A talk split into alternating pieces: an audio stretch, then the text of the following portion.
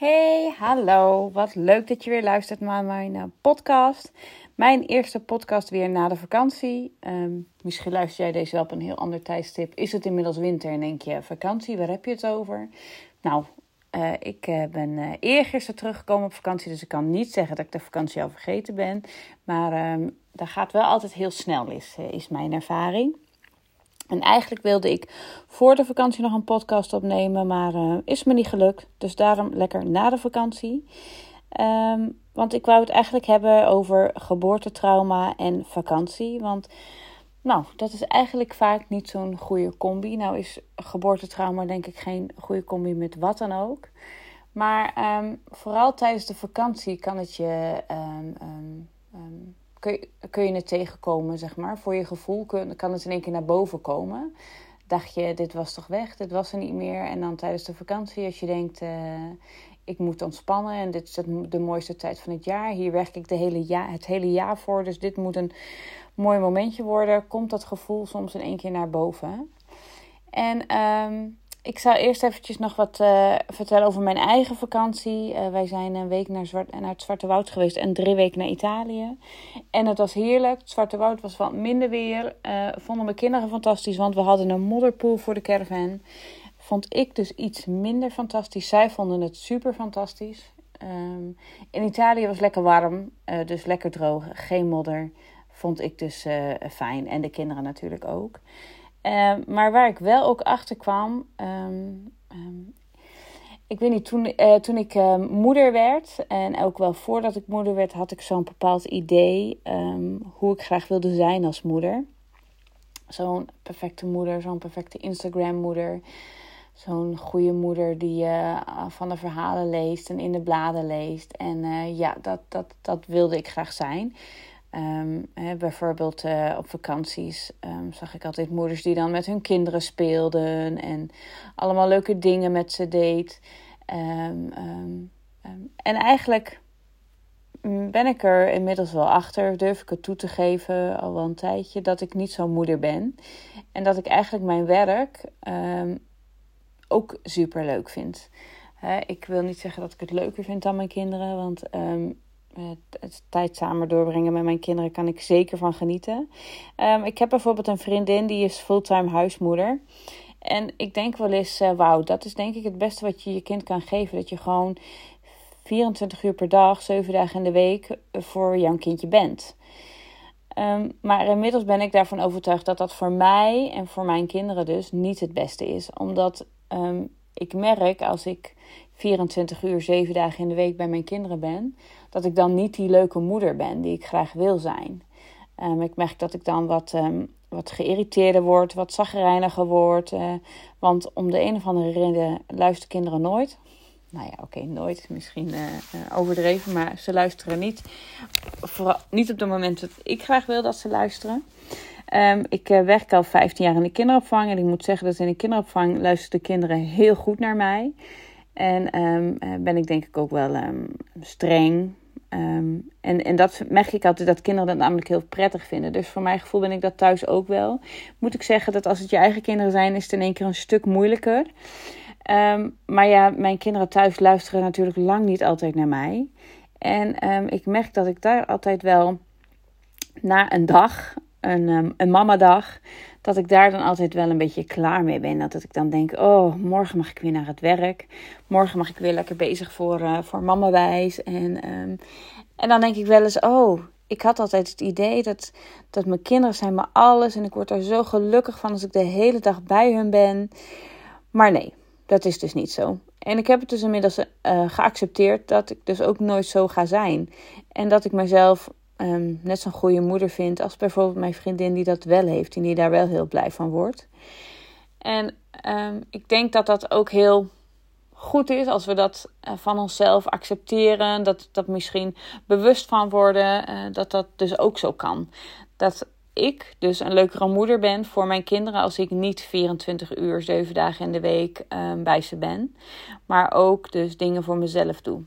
En nou, dat vond ik eerst ook wel lastig om toe te geven. Omdat, um, nou ja, wat ik zei, uh, voor mijn idee was het altijd het beste als jij uh, 24 uur uh, per dag bij je kindjes bent en er ook voor hun bent. Ehm, maar ja, als ik dus 24 uur voor mijn kindjes ben, maar wel 24 uur zagrijnig en geïrriteerd ben, nou, dan weet ik zeker dat dat niet het beste voor hen is. En zo merkte ik dat dus ook op vakantie. Want uh, nou was ik vier weken lang 24 uur, 7 dagen in de week bij ze. En uh, dat vond ik super fijn. Want ik, mis ze dan ook wel als ik aan het werk ben. En uh, ik zag er ook echt naar uit om lekker op vakantie te gaan. En dan lekker de hele dag bij elkaar te zijn. Um, niet andere mensen om ons heen en dat soort dingen. Maar ik merkte al wel vrij snel. Um, Riff is bijna vijf. Die wordt over twee weken vijf. En Lola is tweeënhalf. En uh, Riff is um, um, lief, rustig jongetje die ook zeker ondeugend doet en um, soms niet luistert. Maar Lola is een kleine Miranda en super pittig. 2,5 is natuurlijk denk ik ook wel een pittige leeftijd. Maar zij zit nog heel erg in de uh, fase dat ze alles in de mond wil doen. Alles wil aanraken, alles wil voelen, alles wil zien. Iedereen wil zien en voelen. Ze zit ook aan iedereen. Dus haar kun je geen seconde uit het, uit het oog verliezen. En dat merkte ik wel, dat hè, op zo'n dag, ze gaan toch later naar bed, dat je wel 14 uur lang aanstaat. Uh, 15 uur, weet ik niet hoe lang. En dat ik dat wel pittig vond. Dat ik echt om vijf uur s middags, als we lekker aan het borrelen waren, wat super gezellig was. Maar Lola vervolgens weer um, zes blokken kaas tegelijk in haar mond stopte, waardoor de kaas dus op was. Oh, ik dacht, oh, nog vier uurtjes, dan ga je naar bed. En terwijl ik dat dacht, dacht ik ook, oh, wat slecht dat ik dat denk. En aan de andere kant dacht ik ook, dat is ook de realiteit, dat is ook hoe het is. Ik heb ook tijd nodig voor mezelf om eventjes weer, um, weer die leuke moeder voor de volgende dag te worden. En um, um, ik denk dat dat, dat dat prima is, dat, dat, dat, dat dat er is, dat ik dat zo dacht. En waarom ik deze podcast ging opnemen is omdat als jij een geboortetrauma hebt, hè, als er dus bij jouw bevalling of tijdens de zwangerschap iets is gebeurd wat wat jij niet wilde, wat niet ging zoals jij het wilde of had gedacht. Dat je dit gevoel van aanstaat, aanstaan dan um, ehm, 24 uur per dag kan hebben. En ook als je dus niet bij je kindjes kan zijn. ik had dan als Lola dus om 9 uur uh, eindelijk sliep. Uh, was Riff nog wel wakker, maar die vermaakte zich prima met, uh, met de loco of met de tiptoy.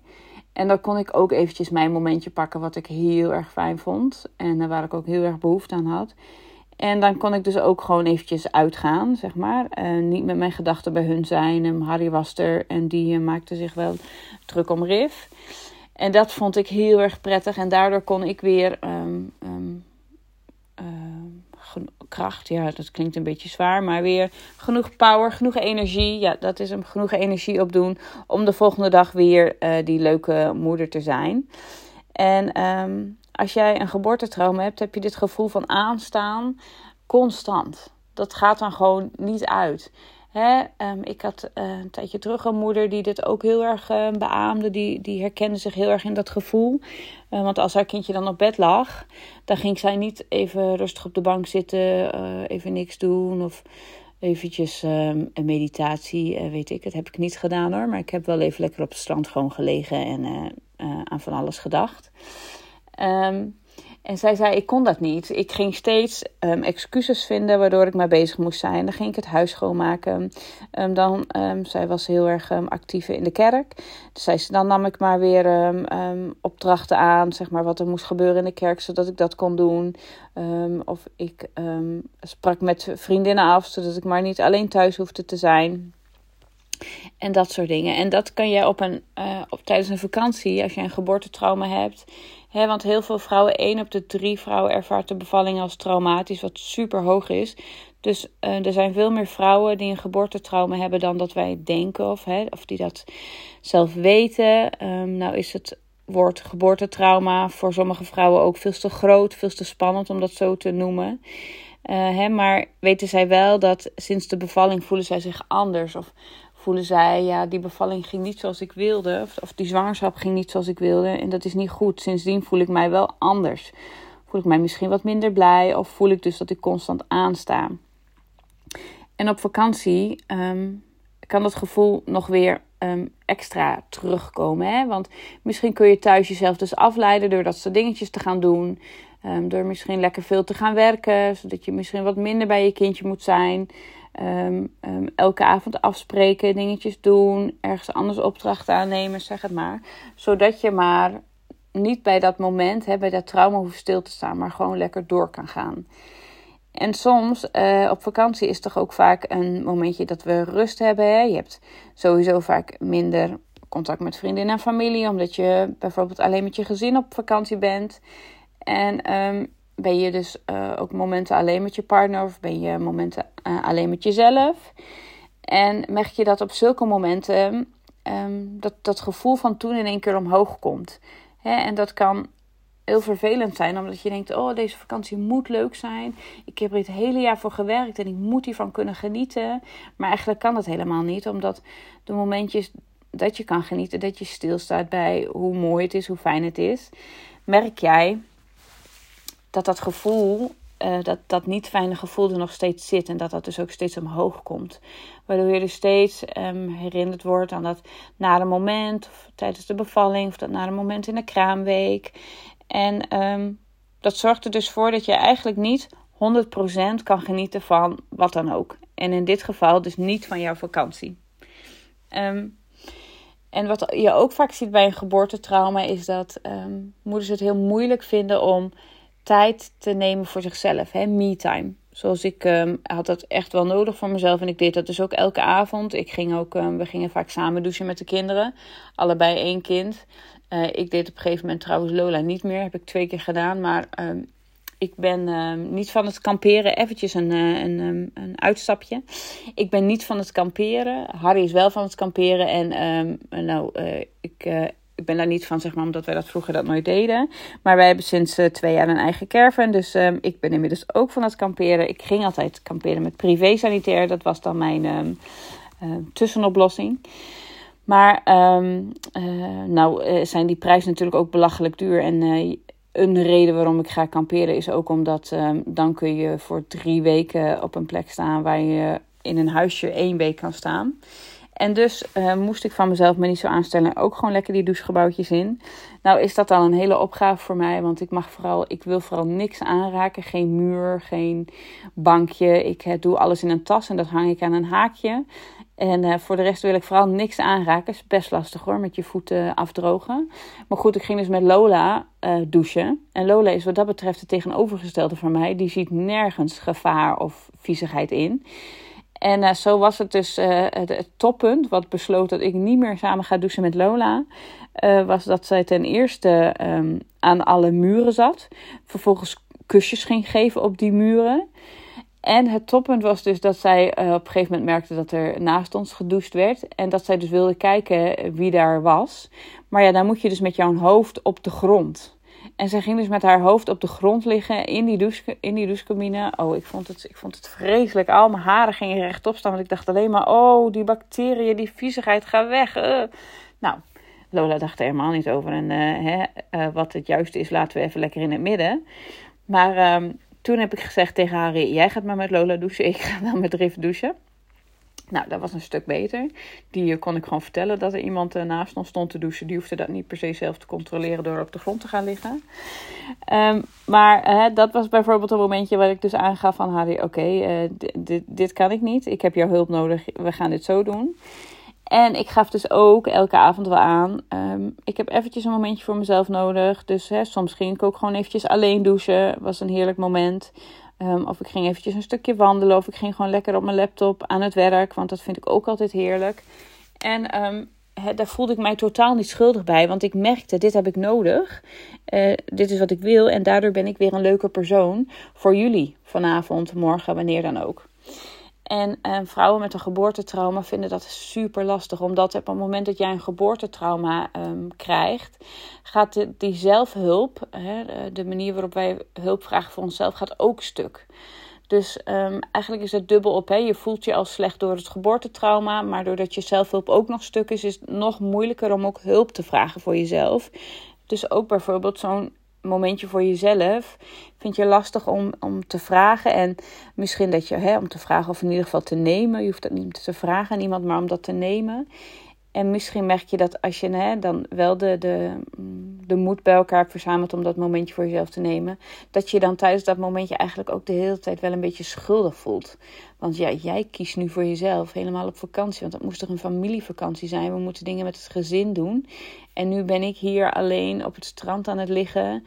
Terwijl mijn partner met de kindjes is, of met mijn kindje is. En oh, wat, wat egoïstisch van mij dat ik dit nu wil. En eigenlijk dan is dat me-time momentje heeft natuurlijk helemaal geen zin. Want het is niet een fijn momentje. Je laat niet op tijdens zo'n momentje. En ehm, dat is dus ook uh, wat je vaak ziet bij vrouwen met een geboortetrauma. Dat, um, dat, dat de momentjes voor jezelf, dat je die lastig vindt om te nemen. En als je ze dan neemt, dat ze vaak eigenlijk niet zo uh, fijn zijn als je in gedachten hebt. Omdat je je dus vaak schuldig voelt. En nou denken we ook vaak, oh, geboortetrauma, dat is iets heel groots. Dan moet ik echt uh, PTTS, hè, postnatale st uh, stressstoornis um, hebben. Uh, dan moet ik echt paniekaanvallen hebben, angstaanvallen. Maar nee, dat is het absoluut niet. Een geboortetrauma kan ook gewoon al iets zijn dat jij merkt dat jij heel vaak verdrietig bent. Of in ieder geval verdrietiger dan voor de bevalling. Hè, en vaak is het zo, um, um, of dat jouw kindje uh, gekke, vage klachten heeft, of heel veel verdrietig is, onrustig is, dat je denkt, nou, waar komt het toch steeds vandaan? Ik heb alles al geprobeerd. Hè, maar je kan ook fysieke klachten hebben, last van je bekken of van je rug.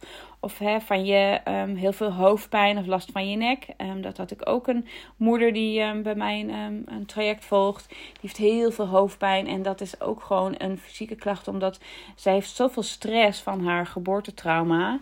Hè, uh, het is zo jouw lichaam is zo gemaakt dat vaak geeft het wel signalen, gedachten van uh, dit is niet zoals het moest zijn, je hebt hulp nodig. Maar vaak denken we dan, oh nou ja, daar heb ik geen zin in, heb ik geen tijd voor, doe ik dan wel? Nee, het is niet zo erg. Ach, mijn kindje is gezond, we gaan gewoon door. En vaak zie je dan dat het lichaam, jouw lichaam wel klachten gaat geven. In de hoop dat je dan wel gaat luisteren naar je lichaam. He, omdat die subtiele hintjes, die gedachten, daar luister jij niet naar. Dus gaat hij maar fysieke klachten geven. In de hoop dat jij daar wel naar gaat luisteren. He, maar ook bijvoorbeeld een burn-out. Of um, niet meer aan het werk willen na de, na de geboorte, na je verlof. Of niet meer aan het werk durven. Um, um, dat soort dingen uh, een bepaald gemis. Dat je denkt, oh, er is maar een mooie tijd afgepakt. Um, hè, ik, ik heb die tijd gemist. Ik, ik mis die band met mijn kindje. Ik mis die roze wolk. Dat kan allemaal tekenen zijn van een geboortetrauma. Hè? Dus het is echt niet zo dat die klachten mega groot moeten zijn. Maar ook die kleine klachten, um, slapeloosheid. dat zijn allemaal tekenen van geboortetrauma. En dat is dus ook super goed om daar bewust van te zijn. En ook als je denkt, oh ja, deze klachten heb ik ook. Of een van deze klachten heb ik ook. En eigenlijk weet ik inderdaad wel dat het niet ging zoals ik wou. Zoek er dan alsjeblieft hulp voor, want het hoeft niet zo te zijn. ook jij kan weer herstellen, waardoor jij ook weer kan genieten van je vakantie. En um, als jij dan gedoucht hebt met jouw dochter en die heeft het hele douchehokje afgelikt, dat jij dan gewoon tegen jouw partner kan zeggen: nou, dit was me toch even een prettig moment. Ik ga nu eventjes een kwartiertje wandelen voor mezelf. Want er moet even bijkomen van al deze bacteriën die mijn dochter in zich heeft genomen. En dan voel je jij tijdens dat, die wandeling niet schuldig, maar voel je, ja, dit is wat ik nodig heb. En um, dit vraag ik dan ook van mezelf. Oh, sorry, volgens mij kwam ik eventjes tegen mijn uh, microfoontje aan. Ik hoop dat het nog steeds duidelijk was wat ik allemaal zei. Um, en wat, ook wel, uh, wat ik ook wel vaak hoor, dat uh, moeders met een geboortetrauma, dat die juist eigenlijk heel erg opzien tegen de vakantie. En dat is eigenlijk om dezelfde reden als wat ik net allemaal vertelde. Omdat je dan juist denkt, oh, ik ga dan 24 uur lang alleen met mijn gezin zijn. En um, wat, wat moet ik dan, uh, als ik mijn kindje zie, word ik daar de hele tijd aan herinnerd. Of mijn kindje huilt heel veel. En wat als andere mensen dat dan zien, dat mijn kindje zoveel huilt. Of dat ik niet weet wat ik met mijn kindje moet. Dan gaan ze vast van alles denken. En die gedachten kunnen je ook heel erg uh, ervoor zorgen dat je tegen de vakantie opziet. Of dat je zelfs bewust ervoor kiest om niet weg te gaan op vakantie, maar thuis te blijven. Terwijl je eigenlijk wel heel graag weg wil. Maar dat je denkt, oh, een andere situatie kan ik nu niet aan. Um, dat, dat maakt me alleen nog maar onzekerder of nog ongelukkiger. Dan is het zeker goed dat je dat ook niet gaat doen. Hè? Want als je een gevoel dat zegt, moet je dat ook niet gaan doen. Maar weet dan wel dat het wel een heel goed moment is om hulp te vragen. Het is zo belangrijk om uh, die klachten die je hebt, om die te erkennen, om daar bewust bij stil te staan en dus te weten dat er hulp voor is. Dat deze klachten er niet bij horen, dat je niet denkt van, ja, ik ben inderdaad, ik voel me anders sinds de bevalling, maar het is ook logisch, want ja, ik slaap ook geen nacht door, want mijn kindje komt steeds en nou, het is toch normaal dat ik geen tijd meer voor mezelf heb, want ja, mijn kindje staat op nummer 1 en dat is ook absoluut zo.